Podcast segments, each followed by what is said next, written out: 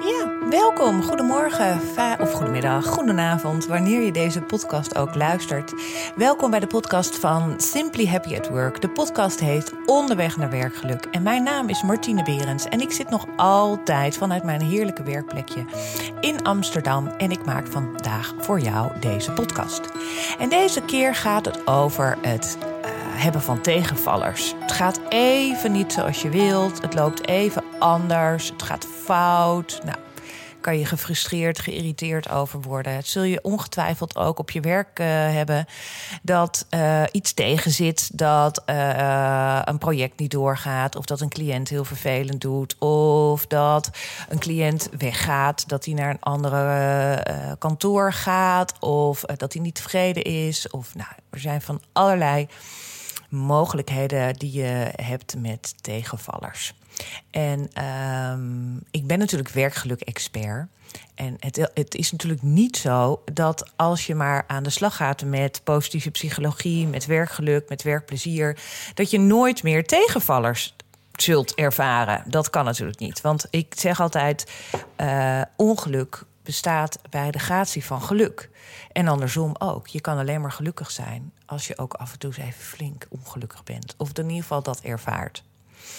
En um, een mooie boodschap is natuurlijk van: het is niet zozeer dat iedereen gaat tegenvallers meemaken, iedereen gaat pech hebben, iedereen gaat dingen tegenkomen die tegenzitten. Het gaat niet zozeer uh, om dat allemaal goed te praten of om dat allemaal mooi te maken, maar het gaat vooral om hoe je daar dan mee omgaat. En ik kwam zelf op dit onderwerp uh, omdat ik uh, privé bezig ben met een uh, verbouwing van mijn huis. En ik zelf natuurlijk al wel een beetje in de gaten kreeg dat de termijn of de deadline of wanneer het klaar is, dat het een beetje opgeschoven wordt. En daar hadden we natuurlijk rekening mee gehouden. Maar ehm, ja, ik, ik dacht, hmm, dit gaat toch weer nog langer duren dan dat we al dachten. En dat uh, viel mij een beetje tegen. Daar was ik een beetje gefrustreerd over. Daar raakte ik een beetje geïrriteerd over. En uh, toen kwam ik bij mezelf, dacht ik, ja, hoe ga je daar nou mee om?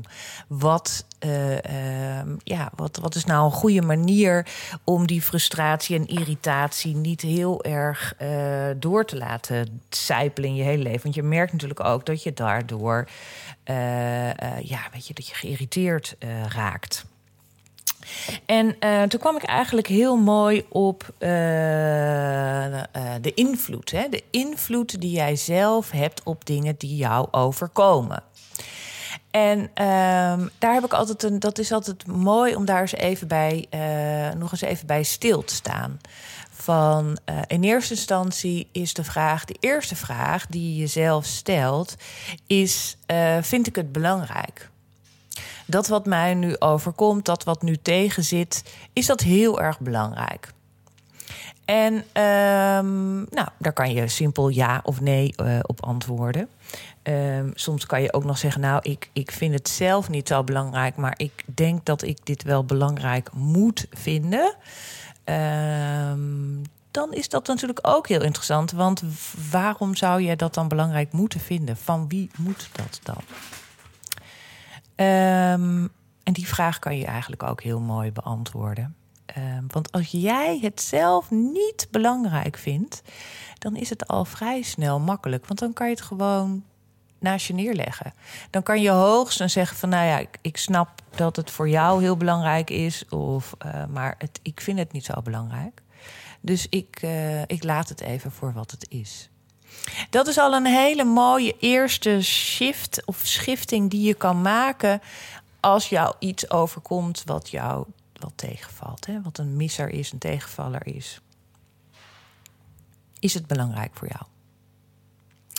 De tweede vraag die je dan gaat afstellen is: ja, het is belangrijk voor mij. Hè? Gaan we daar even vanuit? Dus als ik bij mijn eigen voorbeeld blijf van ja, de verbouwing is wel belangrijk voor mij, want ik wil uiteindelijk toch wel weer op een, op een vrij korte termijn weer uh, in een huis wonen wat uh, verbouwd is. Uh, en mijn tweede vraag is dan: welke invloed heb ik daarop? En um, het zal je verbazen, of misschien niet, maar wij denken altijd dat we overal invloed op hebben, maar dat is natuurlijk niet zo. Als, uh, een, als een cliënt iets niet doet, of als jij afhankelijk bent van iemand anders qua input en die heeft dat niet ingeleverd, ja, dan kan je daar heel boos en gefrustreerd over worden. Maar feitelijk heb je daar geen invloed op. Je kan hoogstens met elkaar af hebben gesproken. Het is vandaag uh, eh, 10 mei als ik dit opneem. Dus hè, we, hadden afgesproken dat jij 9 mei het zou inleveren. En dat heb jij niet gedaan. Maar verder gaat jouw invloed niet dan dat je daar een soort van duidelijke, heldere afspraken over hebt gemaakt. Jij kan niet zorgen, jij kan niet achter de computer gaan zitten van die ander om te zorgen dat hij inlevert dat wat jij nodig hebt. Want anders had je het zelf wel gedaan. Dus jouw invloed die jij hebt is eigenlijk vrij beperkt.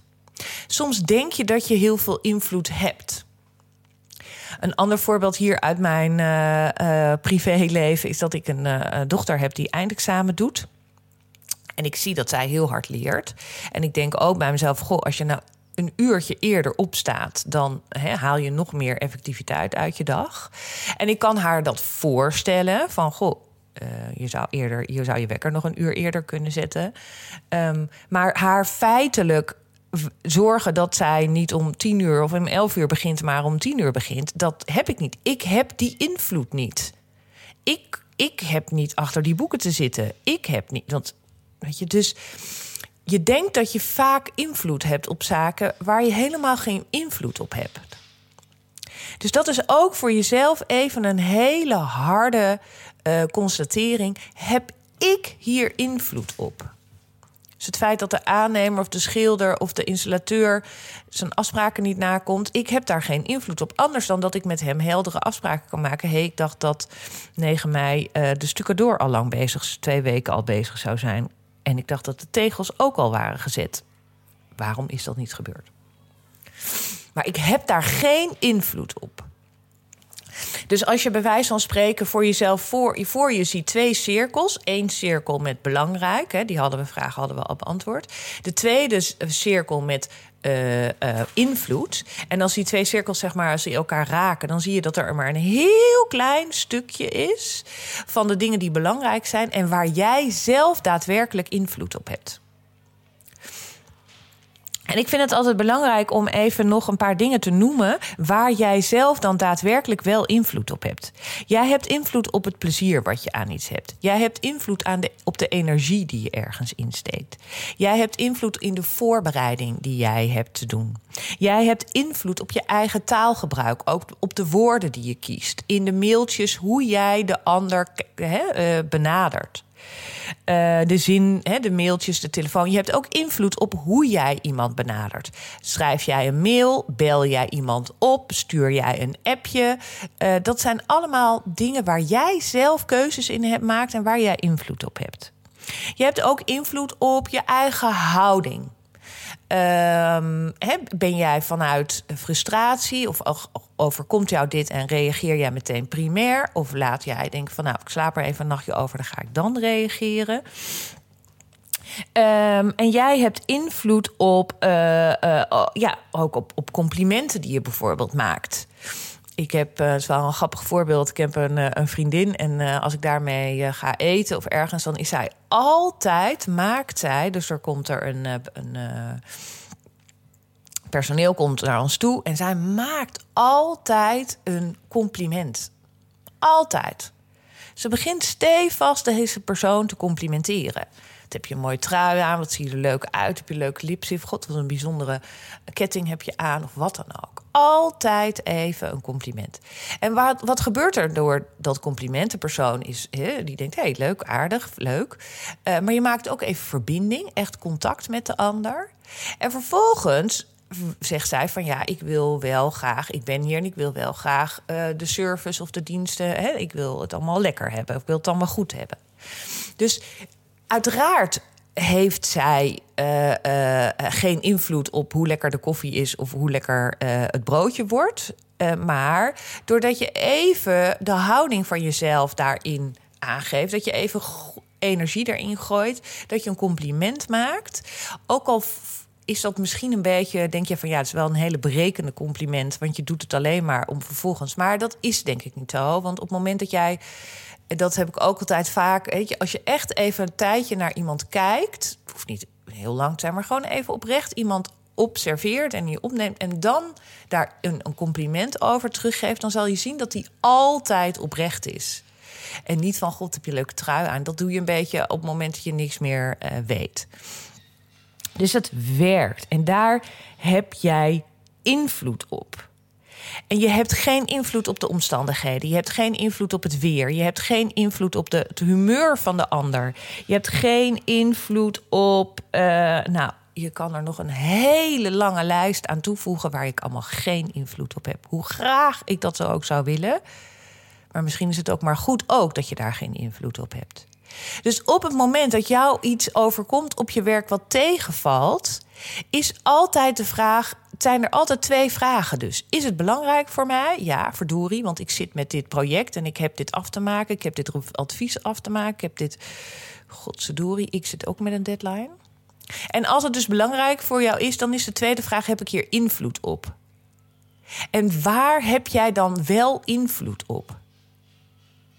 En dat zit dus vaak in dingetjes, in kleine dingetjes. Ik heb, noemde ze net al in het plezier, in de energie, in de voorbereiding. is, dus jij denkt bij jezelf: hé, hey, maandag had ik dit aan dit van de cliënt verwacht of van mijn collega verwacht. Waarom heb ik dat niet? Dan kan je dus meteen zeg maar in de telefoon klimmen en die collega of die cliënt daar nog eens even op het matje roepen. Je kan ook in eerste instantie nog eens even teruggaan naar dat telefoongesprek of die mail waarin jij hebt gezegd dat jij maandag dat en dat dat nodig hebt. Is die mail duidelijk? Is het heel duidelijk wat degene nodig heeft?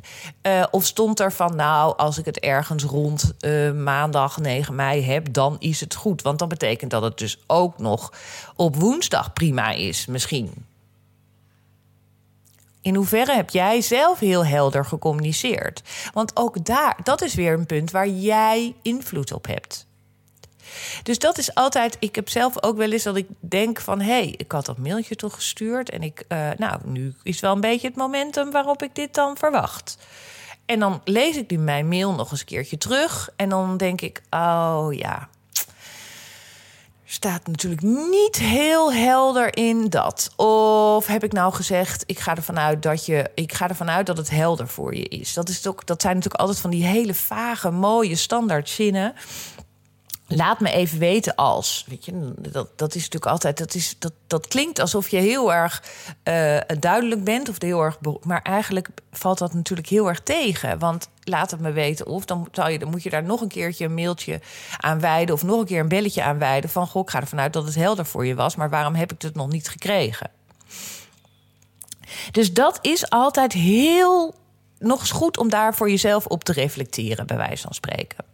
En vervolgens is het dus natuurlijk goed om, als jij uh, dit nu echt nodig hebt en dit, dit vervelend is, om daar nog eens even dan het gesprek aan te over te openen. En ook daar heb je allerlei keuzes in van hoe ga ik, hè, op welke manier ga ik dat gesprek aan? Ga ik iemand live zien? Ga ik iemand uh, facetimen? Ga ik iemand bellen? Ga ik een mailtje sturen? Nou, dus in die communicatiemogelijkheden heb jij natuurlijk al een keuze. Daar heb jij invloed op. Vervolgens, als jij zegt: Ik ga een mailtje sturen, let dan nog eens even op de woorden die je gebruikt. Uh, ben je, uh, voel je daar die onderstroom van die frustratie en die irritatie in? Of kan je zeggen: van goh, ik zie uh, zit daar openheid en nieuwsgierigheid in. Van jeetje, ik zag mijn laatste mail. Ik was in de veronderstelling dat ik uh, helder was. Had ik, dat ik helder had gecommuniceerd dat ik maandag dit en dit, en dit van jou nodig heb.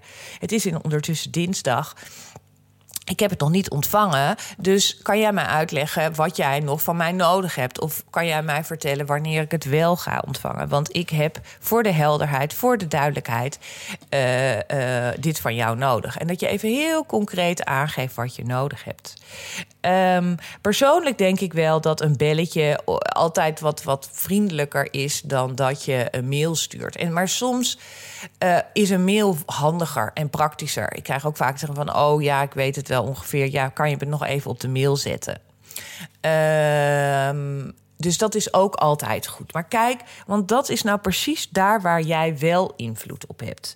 Dus ik uh, um, kwam er, ik, ik zelf in het voorbeeld van mijn uh, verbouwing, ik kwam er zondag, dacht ik, verdorie, zijn er toch nog een aantal dingen, we, we, zouden al gaan stukken, we zouden al dit, en dat is, gebeurt nog allemaal niet, want dit en dit moet ook nog allemaal gebeuren. Dus het is ook niet zo dat we morgen gaan stukken. Dus ik dacht, nou, ik stuur toch maar even een mailtje. ik dacht van, goh, ik wil uh, graag nog eens even een, nieuw overzicht hebben van hoe het er nu voor staat.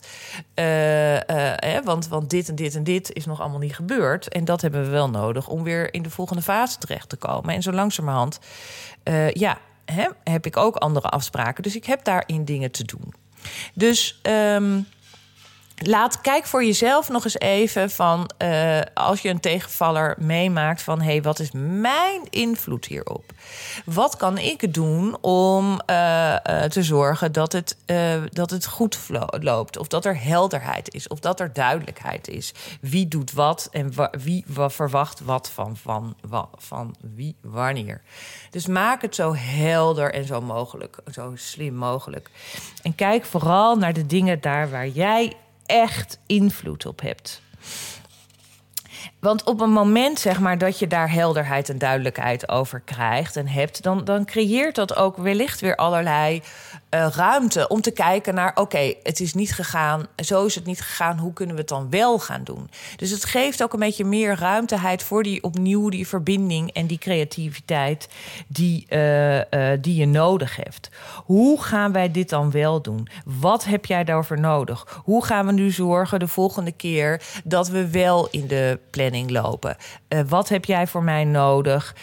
als ik aan jou vraag een rapport over dat en dat, wat is dat dan voor rapport? En wat, welke, wat wil ik daar dan bij hebben? Wat is dan voor mij belangrijk? Uh, weet je, als ik zeg van goh, ik zou wel willen, ik zou graag willen dat je iets sneller reageert. Wat is dan sneller? Is, is sneller uh, binnen een dag? Is sneller binnen? Of zou je zeggen van nou, als ik, hè, ik, ik hè, sommige mensen zeggen nou, ik reageer alleen maar als ik het af heb.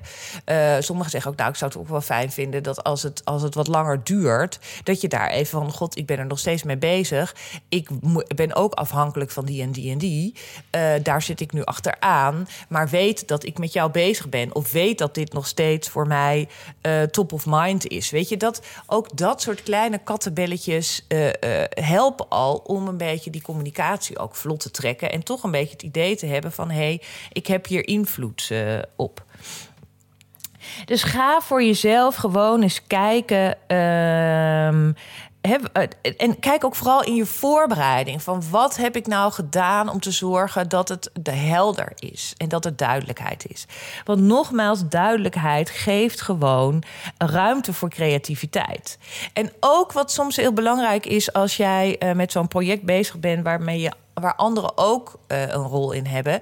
Dat het belangrijk ook is om het nog eens even helder te krijgen van wat is nou het gezamenlijke doel? Waar zit nou de gezamenlijkheid in? Wat willen we nu allemaal bereiken? Wat is nu voor ons allemaal belangrijk in dit geval? Dus kijk, voor mij is het belangrijk dat, dat mijn huis op tijd klaar is, zodat ik op een gegeven moment over kan en dat ik daar gewoon lekker woon. En voor de aannemer is het natuurlijk belangrijk dat hij op een gegeven moment ook dit project heeft afgerond, want dan kan hij ook weer naar andere projecten toe. En maar ook waarschijnlijk dat hij betaald krijgt voor dat wat hij doet. Want daar ben ik natuurlijk nu ook een beetje wat minder uh, uh, uh, happig op, bij wijze van spreken. En als we dan dit gezamenlijke doel met elkaar hebben vastgesteld, welk gedrag hoort daar dan bij? Wat willen we dan? Graag van elkaar zien. Ik wil op de hoogte worden gehouden. Misschien moet ik inderdaad zeggen: ik wil elke maandag een soort bouwvergadering hebben. Ik wil elke maandag een update hebben hoe het afgelopen week is gegaan en waar jullie tegenaan zijn gelopen.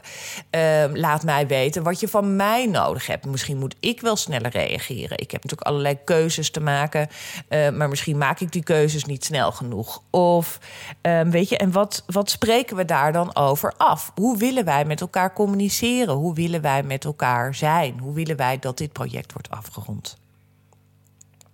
Dus ik denk dat dat een hele belangrijke is om, ja, om af en toe daar nog eens even uh, uh, op te reflecteren. En bij wijze van spreken even in een soort helikopter te gaan zitten en eens even uit te zoomen. Uh, maar ook is het belangrijk om misschien in een bekende balkonnetje te gaan zitten van de Muppet Show. En dat je vanaf een afstandje eens even bekijkt wat er nou gebeurt en waarom jij eventueel hier nou zo uh, uh, door geraakt bent of gefrustreerd bent en waarom het tegen zit. En soms ehm, eh, helpt dat om even uit te zoomen. Even uit te zoomen van daar waar je mee bezig bent. En dat uh, helpt mij, dat brengt mij ook bij een hele mooie dag die ik organiseer binnenkort op vrijdag 3 juni voor jonge, ambitieuze juristen en, ehm, en advocaten. Om inderdaad eens even uit te zoomen met daar waar je op dit moment mee bezig bent. Hoe je je werk vindt, welke stress je daar ervaart, wat voor hoge. Er wordt heel veel van je verwacht. Er wordt heel veel. Het is een, een, een, stressgevende omgeving. En dat vind je allemaal prima, maar af en toe is het ook wel eens even goed om daarvoor uit te zoomen. En deze dag heet ook Tijd voor jouw geluk. Dan gaan we even echt even uitzoomen van de hectiek van je dagelijkse bezigheden. En je gaat inzoomen op dat wat voor jou eigenlijk heel belangrijk is. En wat misschien nu een beetje ondergesneeuwd is. En daar komt uiteraard deze cirkel van invloed uh, uh, terug. Want dat is natuurlijk in ik gaf zelf een voorbeeld over het privé dingen, maar het heeft natuurlijk ook op je werk, op je leven, op je vriendenkring, op je relatie. Het heeft natuurlijk overal mee te maken. Goed, dat was deze podcast. Hoe ga je om met tegenvallers? Ehm, we hebben even gekeken naar, vind ik het wel belangrijk? Als je het niet belangrijk vindt, kan je het meteen laten lopen. En als je het wel belangrijk vindt, op welke invloeden en welke mogelijke manieren heb jij hier dan zelf invloed op? Um, nou, dit was het einde. Leuk. Ik ben tegenwoordig ook bij Podimo uh, te luisteren. En uh, dat maakt het heel leuk, want Podimo, uh, dan krijg ik ook nog wat revenues van al het werk wat ik hier aan heb. Dus als je een Podimo-abonnement hebt, dan is dat helemaal leuk. Want dan kijk dan ook vooral even naar de Onderweg naar Werkgeluk podcast. Podimo heet dat dus. Dat is de nieuwste platform voor podcasten. Um, nou, super dank. Fijn dat je hier weer naar luisterde. Laat een comment achter, laat een vraag achter. Deel het met anderen waarvan je denkt: oh ja, en misschien deel je het met de mensen waar je dit project mee aan het afronden bent of aan het samenwerken bent. En dat loopt niet zo lekker. Soms helpt het ook wel eens om, uh, om deze podcast dan te delen. Zo van hé, hey, zullen we hier eens nog, nog eens naar kijken. Dus um, dit was mijn, uh, deze was de aflevering. Over twee weken komt er weer een nieuwe aflevering voor de eye-openers die cruciaal zijn voor meer werkplezier en meer werkgeluk in jouw leven. Ik wens je een super fijne dag. Deel en vermenigvuldig en heb het goed.